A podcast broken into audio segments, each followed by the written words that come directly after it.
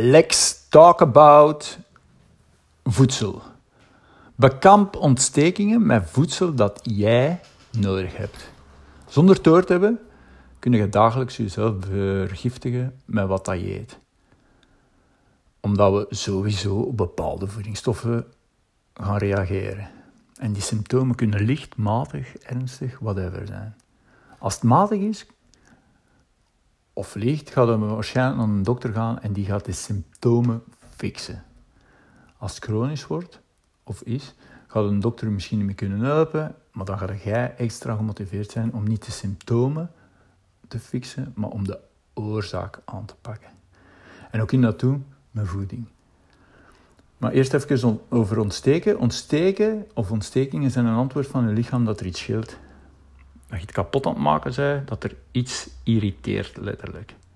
Juist zoals je, wanneer dat je scheenbeen stoot tegen een tafel of bij boxjumpen in een crossfit, dan gaat dat ontsteken om sneller te genezen en te herstellen. Maar je wilt absoluut niet dat dat chronisch wordt.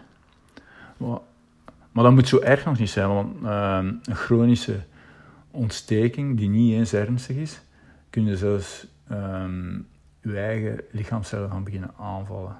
Het is toch niet normaal dat je lichaam zijn schildkliercellen aantast, of de pancreas, of je gewrichten door reuma en artritis. Dus is het eigenlijk wel belangrijk, wanneer dat je een voedselintolerantie hebt, of als die onopgemerkt blijft, dan kunnen ze niet oplossen. En dan gaat dat die irritatie etteren, dat doet elke irritatie trouwens, en groeien tot een chronische ontsteking. Dat wil je echt niet.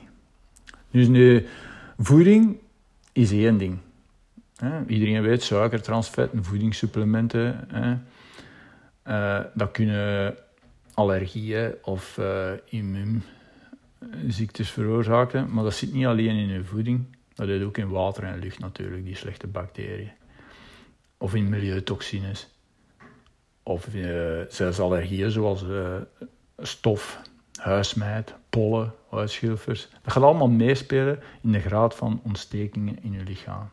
Als je daar meer wilt over weten en dat je dat oplost, kun je het best eens mijn artikel gaan lezen op de generalist.be, naar de blog gaan en zoeken op voedsel.